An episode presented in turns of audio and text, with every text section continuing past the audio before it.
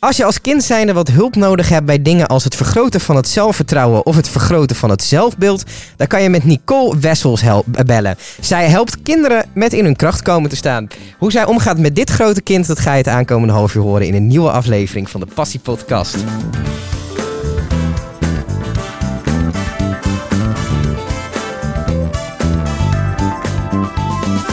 Nicole, leuk dat je vandaag bij ons wilde zijn. Ehm, hoe doe je dat precies? Hoe zit, jij, hoe zit jouw werk precies in elkaar? Eh, ja, hoe zit mijn werk in elkaar? Ehm, als je het hebt over één op één begeleiding, Mhm, dan ehm, ja, vinden ouders vinden mij meestal mhm. via Instagram of Facebook of via via. En eh, dan hebben we een intakegesprek en dan eh, gaan we kijken wat, wat is er, wat is de wens voor, de, voor het kind en dan Mhm. gaan we aan de slag. Hoe komt een ouder erachter van mijn kind heeft, heeft niet genoeg zelfvertrouwen of zit er gewoon niet lekker in? Ook best Ehm, iets heftig om over, om over je eigen kind te zeggen misschien. Eh, ja, eh, dat is het voor sommige ouders zeker. Mhm. En weer andere ouders zijn eh, zich heel bewust van hoe hun eigen kind in zijn vel zit. Mhm. Hoe kom je erachter? Ja, wat ik vaak merk is dat eh, ouders zeggen van ja, mijn kind die eh, vindt het lastig om uitdagingen aan te gaan. Of eh, die zegt heel vaak, nou ik kan dit niet. Of ik ben hier niet goed in. En die gaan dan uitdagingen uit de weg. Mhm. En dat is wel een, een Een punt. trigger bij Ja. ouders van hey, dit is, dit is niet oké. Nee. Is het niet soms ook gewoon goed om uitdagingen uit de weg te gaan? Of juist als kind niet? Waarom zou je uitdaging uit de weg gaan? Nou ja, soms kan het ook pijnlijk of frustrerend zijn. En wat is daar erg aan? Nou, dat kan voor een kind vervelend voelen. You, you tell me. Ja, nou weet je, uitdagingen zijn altijd spannend. Mhm. Ehm, ik vind dit ook spannend, weet je Mhm. wel. En Maar je gaat toch die uitdagingen aan, want heb je weer iets nieuws gedaan, heb je weer iets nieuws geleerd. Ja, En eh, wat heel veel kinderen hebben, is dat ze bang zijn om fouten te maken. ja, En die fouten, die leren je eigenlijk gewoon weer iets. ja. Dus jij zegt een kind moet gewoon heel veel fouten kunnen maken. Ja, zeker. Komt die onzekerheid vaak uit het kind zelf of is het heel veel omgeving? Ehm, eerlijk gezegd is het een, een combinatie, maar ehm, ja, de omgeving en het werken naar resultaat en alles moet en ik moet presteren, ja, dat eh, heeft wel heel, heel veel invloed op kinderen. Ja, en Ja. hoe kunnen kinderen daar beter mee omgaan? Het is ook iets waar je als kind natuurlijk helemaal niet bewust mee bezig bent. Van, ik kom wat zelfvertrouwen tekort. Nee. Of... Dus kinderen vinden het misschien ook lastig om dan naar jou toe te gaan. Van ja, wat, wat is er dan? Ik snap het niet. Soms wel, Mhm, eh, omdat kinderen het dan echt niet zien. mhm. En eh, vaak zijn kinderen gewoon, eh, die voelen dat ook wel. Weet je, die, die voelen zich ehm, eh, belemmerd, zeg maar, in dingen die ze doen. En die zien dat andere kinderen wat vrijer zijn en wat makkelijker met moeilijkheden omgaan. Mhm. En, en zijn ze heel erg, nou, ze willen altijd heel graag eh, nou, dat dat gaat veranderen. Mhm, ik wil niet zeggen dat ik ze dan help, maar ik loop een stukje met ze mee eigenlijk mhm. om, de, um, om ze ja, in te laten zien en hoe het werkt. Weet je, ik, we, we, eh, hebben het heel vaak over hersenen. Hoe Mhm. werkt het eigenlijk in je hersenen? Hoe werkt leren? Um, en dan, dan geeft het een stukje vertrouwen. En ook het stukje fouten maken, weet je, dat dat er gewoon bij hoort. Ja. En uh, ja, dat geeft ze gewoon weer vertrouwen om de uitdagingen aan te kunnen gaan. Over welke leeftijdscategorie hebben we het nu een beetje? Ja, um, eigenlijk van kleuters tot aan uh, tieners. ja, oké. En wat, wat, wat is een beetje de bovengrens, zeg maar? Qua leeftijd? Ja, eigenlijk is die er niet. Nee, oké. Iedereen onder de 18. Ja, dat, ja die, die bij mij komen wel. Maar weet je wat het ook is? Vaak um, kinderen die er last van hebben, Mhm, um, daarvan 9 van de 10 keer hebben ouders daar ook eigenlijk last van. mhm, Of last van gehad. mhm. Dus dat zijn ook de ouders die het vaak herkennen bij hun kinderen. Die denken, oh, dit heb ik ook zelf gehad. En, uh, We lijken stiekem eigenlijk toch wel best op onze ouders. heel erg, best Ja. wel, ja. Toch denk ik, je moet heel anders omgaan met iemand van 4 dan iemand van, van 18. Ja, klopt. Wat, wat vind je het makkelijkst zelf? Um, Oeh. Het, het is allebei heel anders. Dus Mhm. het is niet per se het een is makkelijker dan het andere. Kijk, met tieners um, ja, praat je natuurlijk iets makkelijker. En, uh, met Meer dezelfde problemen ook misschien. Ja, en uh, uh, met jongere kinderen moet je het echt een beetje inpakken. Weet je, kan je, heb je het wel over je hersenen, maar dan moet het wat speelser zijn. En dan halen we er wat dingetjes bij. En je benoemt alles, maar toch net even iets anders. Er moet net even meer spelletjes erbij, meer spelen, meer spelenderwijs eigenlijk. Is, is- zit er vaak een, een, een soort ehm, oorsprong in pesten? Eh, bedoel je als kinderen weinig zelfvertrouwen hebben? Mhm. Ja, nou ja, als je weinig zelfvertrouwen hebt, dan ben je ook, dat klinkt heel raar, een, een makkelijker doelwit. Ja. Ehm, want eh, wat ik altijd aan kinderen uitleg, weet je, je kan, je kan een ander niet veranderen, maar je kan wel veranderen hoe jij reageert op iemand anders. Mhm. En dat kan ze wel heel sterk maken, weet je. Dat die pester eh nare dingen doet, hoef jij niet aan te nemen voor waar. Mhm. Weet je, als iemand tegen je zegt, oh, je bent echt een sukkel of jij kan dit niet. En als jij dat ook echt gelooft, Mhm. dan neem je dat aan, weet je. Of je neemt het niet aan en je laat het bij die ander. Ja. En eh, als, ja, weet je, het helpt wel in een stukje bewust worden van kinderen van, oh ja, weet je, als ik het niet aanneem, dan blijft het bij de ander. Mhm. En als je wat sterker over jezelf voelt, dan hoef je dus ook niet te geloven wat een ander tegen je zegt. Geloof jij dat kinderen die vroeger gepest worden uiteindelijk de grootste dingen doen in het leven? Een soort compensatiegedrag? Ja, ik denk wel dat het je een bepaalde drive kan geven. Hetzelfde als er wel eens kinderen zijn waarvan een coach heeft gezegd of een leerkracht heeft gezegd van, eh, weet je, Jij dat kan dit niet. Ja, een hele bekende dit. Ja, dus en dat, dat is ook zo, want je, niemand wil dat horen, weet je, en iedereen. Nou ja, dat, dat geeft gewoon een, een bepaalde drive. Ja, Ja, ja. zeker. En, en ja, ik durf niet te zeggen dat kinderen die gepest zijn, die dan maar er zit altijd, ik denk dat er altijd iets in zit van dat je wil laten zien aan degene die je hebben gepest van, eh, wacht even, kijk, dit is er van mij gekomen, wat is eigenlijk van jou gekomen? Dat, dat- ja, als je niet zeg maar heel moeilijk gezegd de liefde voor jezelf zeg maar vindt, dan wil je altijd, heb je altijd een drang om jezelf te bewijzen naar anderen. Er zijn denk ik ook mensen die op zich niet onzeker zijn, geen last hebben van problemen met zelfverzekerdheid, maar wel graag in een comfortzone blijven. Ja. Dan is het probleem denk ik moeilijker aan te pakken, of niet? Eh, ja, ik weet niet of dat een probleem is, weet je. Als mensen dat niet als een probleem zien, Dan is het geen probleem. dan is het geen probleem. Dan, dan is dat waar iemand zich prettig en veilig in voelt. Mhm. En iemand die, weet je, soms kan het ook hele kleine stapjes zijn die je maakt binnen je comfortzone. Mhm. En hoeven het ook niet onwijze grote dingen te zijn. Maar ik denk dat een mens van nature wel zich graag wil blijven ontwikkelen Ontwikkelen, en ja. nieuwe dingen wil blijven doen. Is prestatiegerichtheid iets slechts? Nee, zeker niet. Maar het is wel een probleem. Ja, het is in, in die zin kan het een probleem zijn. Ik heb prestatiegericht, als we het hebben bijvoorbeeld over sport, Mhm. ehm, ja, dan wil je presteren. Ehm, alleen het kan een probleem worden als je gaat, ehm, als je jezelf gaat vergelijken met anderen.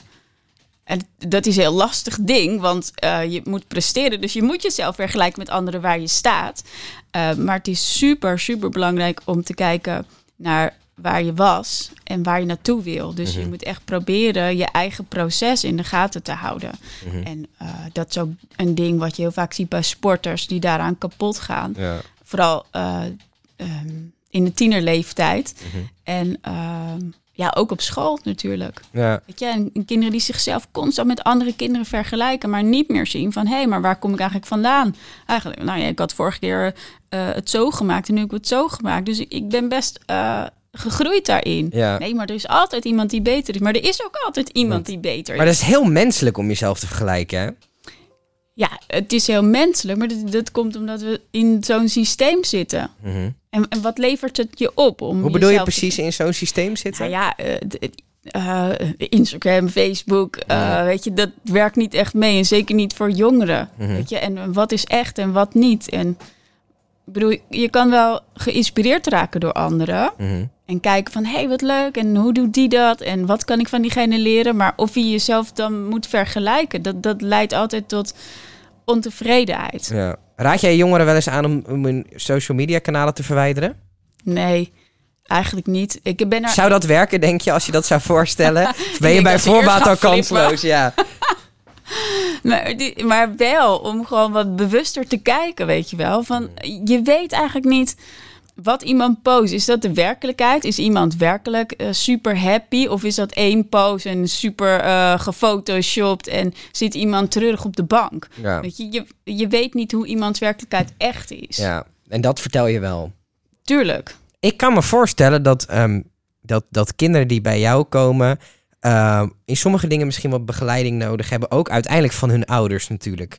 Ehm, hoe vind je die scheidslijn? Ik vond het als kind super irritant als mijn ouders zich bemoeiden met iets. Want ik wist het zelf allemaal wel prima. Ja. Ehm, maar soms, juist op het moment dat iemand dus in een wat dieper dal zit, heeft diegene juist die begeleiding nodig. Terwijl dat misschien ook juist je zelfstandigheid op die manier weer een beetje inkrimpend voelt, zeg maar. Mhm. Ja, ik snap wat je bedoelt.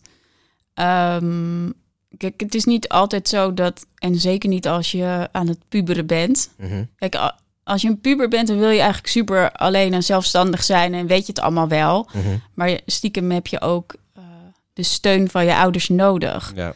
Alleen dat, dat moet op een gepaste afstand. Weet je wel? Ja. Dat is voor en voor ouders en voor de pubers eh, best wel eens een, een Het, is bijna het is bijna een paradox. ja, ja, want aan de ene kant heb je ze nodig, maar aan de andere kant ja, wil je dat op dat moment eigenlijk helemaal niet. nee, maar weet je, pubers zijn, ehm, Ingewikkeld. nou ja, ja, tuurlijk ingewikkeld, vooral voor zichzelf, weet Ja. je wel. En ehm, wat wou ik nou zeggen? Eh, Pubers zijn ingewikkeld, vooral voor ze- zichzelf. Nee, ja, ze zijn vooral voor zichzelf ingewikkeld. Maar, ehm, nou, ik, weet- ik weet niet wat ik wou zeggen. Ik ben het even kwijt. We gaan Het door. was heel leuk. Het was heel leuk. Als je erop komt, moet je gewoon je vinger opsteken. Ja, en dan, eh, op. dan, dan, dan pakken we hem weer terug. Ja. Was je zelf een lastige puber? Nee, eigenlijk niet. En meestal, je ziet vaak... Ik, ik heb wel eens een quoteje gehoord dat, dat mensen die echt psychologen zijn... eigenlijk vaak zelf ook psychologische problemen hebben gehad. Oh ja, nou ja, kijk, ehm, ik heb geen psychologische problemen. Nee, maar, je, je bent natuurlijk ook geen psycholoog. Nee, Nee, ik ben een coach.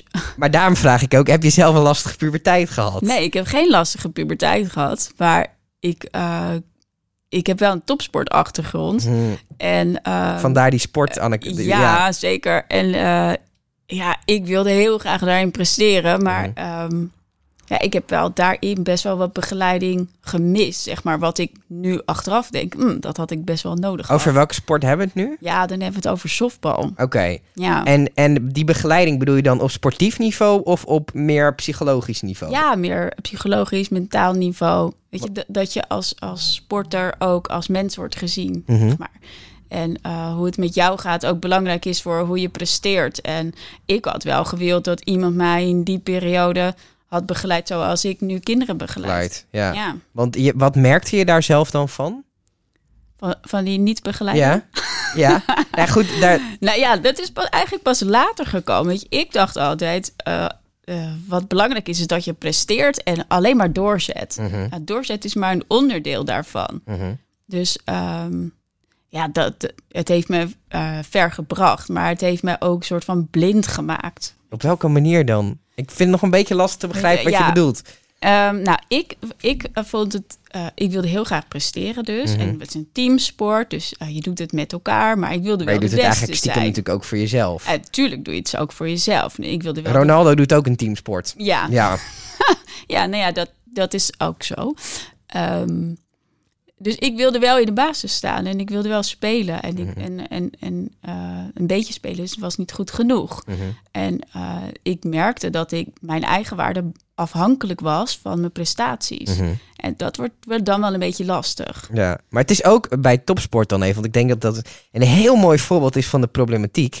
Ehm, uiteindelijk, er zijn in elke vorm van topsport zijn er heel weinig plekjes. Ja. En er zijn best wel wat gegadigden. Mhm. Dus je moet ook ver gaan. Je moet Ja. verder willen gaan dan de rest. Ja. En ik, ik, want ik, je zegt ehm, doorzetten, dat is niet alles. Nee, Maar het moet wel. tuurlijk, het doorzetten hoort erbij. Weet je, als, als eh, sporter en als wie dan ook, dat zullen jullie misschien ook wel ervaren in wat jullie doen. Mhm. Als je iets wil, eh, dan moet je daarvoor gaan. Je moet tien keer harder rennen dan de rest. Ja, Ja. weet je. En het is heel vaak kinderen met voetbal bijvoorbeeld. Hè? Mhm. Kinderen denken altijd, ja, ik wil profvoetballer worden, want Ja. dan vindt iedereen mij leuk. Ja. Nou, je bent al leuk genoeg, weet je wel. En, ehm, maar het is niet zo van, oh, ik kies hiervoor, dus ik doe de deur open en Mhm. eh, ja, het is me gelukt. Mhm. Weet je, eh, ik zie het altijd als een ijsberg. Je ziet maar een topje, maar je weet niet wat daaronder zit. En daar, wat daaronder zit is doorzetten, keihard werken. Eh, je mist heel veel sociale contacten. Eh, je moet goed overleggen met iedereen. Eh, je moet keihard trainen. Ja, je, moet daar echt wel dingen voor opgeven. Je moet fouten durven maken. Je moet kunnen vallen, weer opstaan. Mhm. Dus het is meer dan alleen doorzetten. Ik hoor een interessante paradox bij jou tussen hard en zacht zijn. Ja, ik denk, ja, daar moet een goede balans tussen zijn. Het toch wel balanceren. Ja, Ja. Dus, dus soms soft zijn, soms hard zijn. ja, Leuk soft ook met softbal. ja. Eh, eh, wat heb je met kinderen? ja, kinderen zijn gewoon heel leuk. Puur. Wat maakt kinderen zo leuk? Ze zijn spontaan, mooi, open, eerlijk. Hoe ben, je, hoe ben je op een gegeven moment op het pad gekomen? Ik wil iets met kinderen doen. Ehm, ja, dat is wel grappig. Ehm, dat weet ik eigenlijk niet precies. nou ja, weet je, ik wilde altijd sporten en ik wilde eigenlijk naar het ALO en eh, of naar de toneelschool. Ja. Beide vonden mijn ouders geen goed idee. Mhm. Dus ja, wat ga je dan doen? Ja, ik, eh, toen zijn we gaan kijken. Nou, je kan naar de PABO. Dat is heel eh, algemeen en heel eh, breed. Dus eh, misschien is dat wat voor je. Mijn moeder die eh, had een peuterschool, eigen peuterschool. Dus eh, die zat er ook wel een beetje in. Dus ben ik gaan doen. Mhm. En na de eerste stage dacht ik, ja, ik vind het eigenlijk heel erg leuk. Ja. Echt heel erg leuk met kinderen werken. Nooit, even nog één stapje terug. Nooit spijt gehad dat je niet eh, die ALO of die toneelschool bent gaan doen? Haha, Soms wel. wat, wat zijn die momenten van spijt? Wanneer Eh, merk je dat? Nou, ik heb niet echt spijt, maar ik denk wel eens, oh, hoe was mijn leven zeg maar gelopen als ik dat had gedaan? Gedaan, ja. Gewoon meer een, dan vraag ik me dat af. Ja. Het is niet echt spijt, want dit is helemaal oké zo nu. Was je goed genoeg, denk je? Softbal? Eh, ja, goed genoeg. Ja, ik heb eh, tien jaar in het Nederlands team gespeeld. Oké. Dat heb ik bij het inlezen even gemist, een beetje my bad. Oké, ja, dat is wel serieus goed genoeg dus. Ja, Ja. kan altijd beter, maar ik, op zich... eh, Heb je daar veel geleerd over wat je nu doet? Eh, Was het een goede voedingsbodem? Ja, weet je, hier komt wel de drijfveer vandaan. Om, toevallig had ik het gisteren over met een eh, oud teamgenootje van mij. Ik begeleid haar zoontje. Mhm. En ehm, ja, dat wat ik doe, zeg maar, de drijfveer om dit goed te kunnen doen, dat komt eigenlijk vanuit de sport. Mhm. En het stukje wat ook zij eh, daarin heeft gemist. Dus Mhm. ja. Wat is het mooiste wat je voor iemand hebt kunnen doen in je werk? Nou, ja, ik. Het zijn allemaal mooie dingen. Weet je, als kinderen gewoon eh, weer blij, blij zijn en eh, uitdagingen aan kunnen gaan. En eh, als ze weggaan en ik krijg een knuffel en ze zeggen: Ik wil eigenlijk nog niet weg, want ik Mhm. vind het zo fijn bij jou. Mhm. Ehm, en Ja. dat ik ook later weer berichtjes krijg van ouders. En het gaat zo goed nu op school. En het gaat zo goed met dit en zo goed met dat. Ja, dan. eh, ja, dat vind ik echt heel tof. Daar Is- doe ik het voor. Is de key dat er echt naar ze geluisterd wordt? Ja, dat is wel een heel belangrijke, ja. Dat ze zich gehoord voelen, Ja. dat hun problemen erkend worden. Altijd. En dat kunnen ze beter bij een extern iemand dan bij hun ouders, omdat daar ook een laagje verantwoordelijkheid tussen zit. Tuurlijk. Ja. Vinden ze het moeilijk om bij iemand die... Je bent geen leeftijdsgenootje. Nee. Hoe ga je... er spelen andere... Ik denk dat pubers best wel vaak denken... Oh, jij bent al wat ouder, jij snapt mijn problemen niet of zo. Ja, maar als je goed luistert Mhm. En je, je kan je nog voorstellen hoe het was voor jezelf toen je jong was en, en, en je kan je gewoon inleven in een kind, dan is het gewoon, dat is, dan is het prima. Gaan ze je als een vriendin zien? Eh, nee, dat denk ik niet de vriendin, maar wel iemand die ze echt kunnen vertrouwen. Ja. Ja, Want dat lijkt me dus een lastige balans. Want je gaat heel diep in iemands problematiek, ja, eh, onzekerheden zitten. Dus je creëert een bepaald soort band, terwijl het ook natuurlijk gewoon werk is. ja. Ja, dat is bizar, hè? Dit is werk. Ja, ja maar dat is het natuurlijk wel. Ja. Is dat niet lastig soms? Nee, ik vind het eigenlijk niet. Niet. Nee. Ik heb ook nog niet iemand gehad die zei van... eh, waarvan ik het heb gehoord van... Oh, dat vind ik wel lastig. Of, eh, Nee. nee, ze komen er echt met een doel. En, en ze willen heel graag dat iets eh, minder wordt. Of dat het zelfvertrouwen meer wordt. En dus ze zijn helemaal ready om daarmee aan de slag te gaan. gaan. De pijn is al zo diep dat het zeg maar gewoon tijd wordt om er wat aan te doen. Ja. Ja. Wat, wat, ehm, wat, wat jij bespreekt met hun. Mhm. Vraag je jouw ouders achteraf wel eens zeggen, wat hebben jullie nou eigenlijk besproken? Of ouders dat vragen? Ja. Uh, Jazeker. En ik eh, geef ook altijd een verslagje aan ouders wat we doen. En dat weten ze ook. Ja, en als ze zeggen van, nou, dit wil ik echt niet. Ja. Hey, ik heb geen eh, geheimhouding, want ik ben eh, geen psycholoog. Nee. Maar als ze echt zeggen van, nou, dat moet je echt niet tegen papa of mama zeggen. Nou, Dan zou ik dat niet zeggen. Ja. Tenzij het iets, eh, weet je, zo heftig is dat dat moet. Dan, ja, dan ontkom je er niet aan. Ik heb hier staan het ontwikkelen van een groeimindset. Ja, Wat is dat? Groeimindset is alles. Nou, ik ga ervoor zitten. Ja. nee, eigenlijk alles waar we het net over hebben gehad. Weet Mhm. je, Ehm, je hebt mensen die.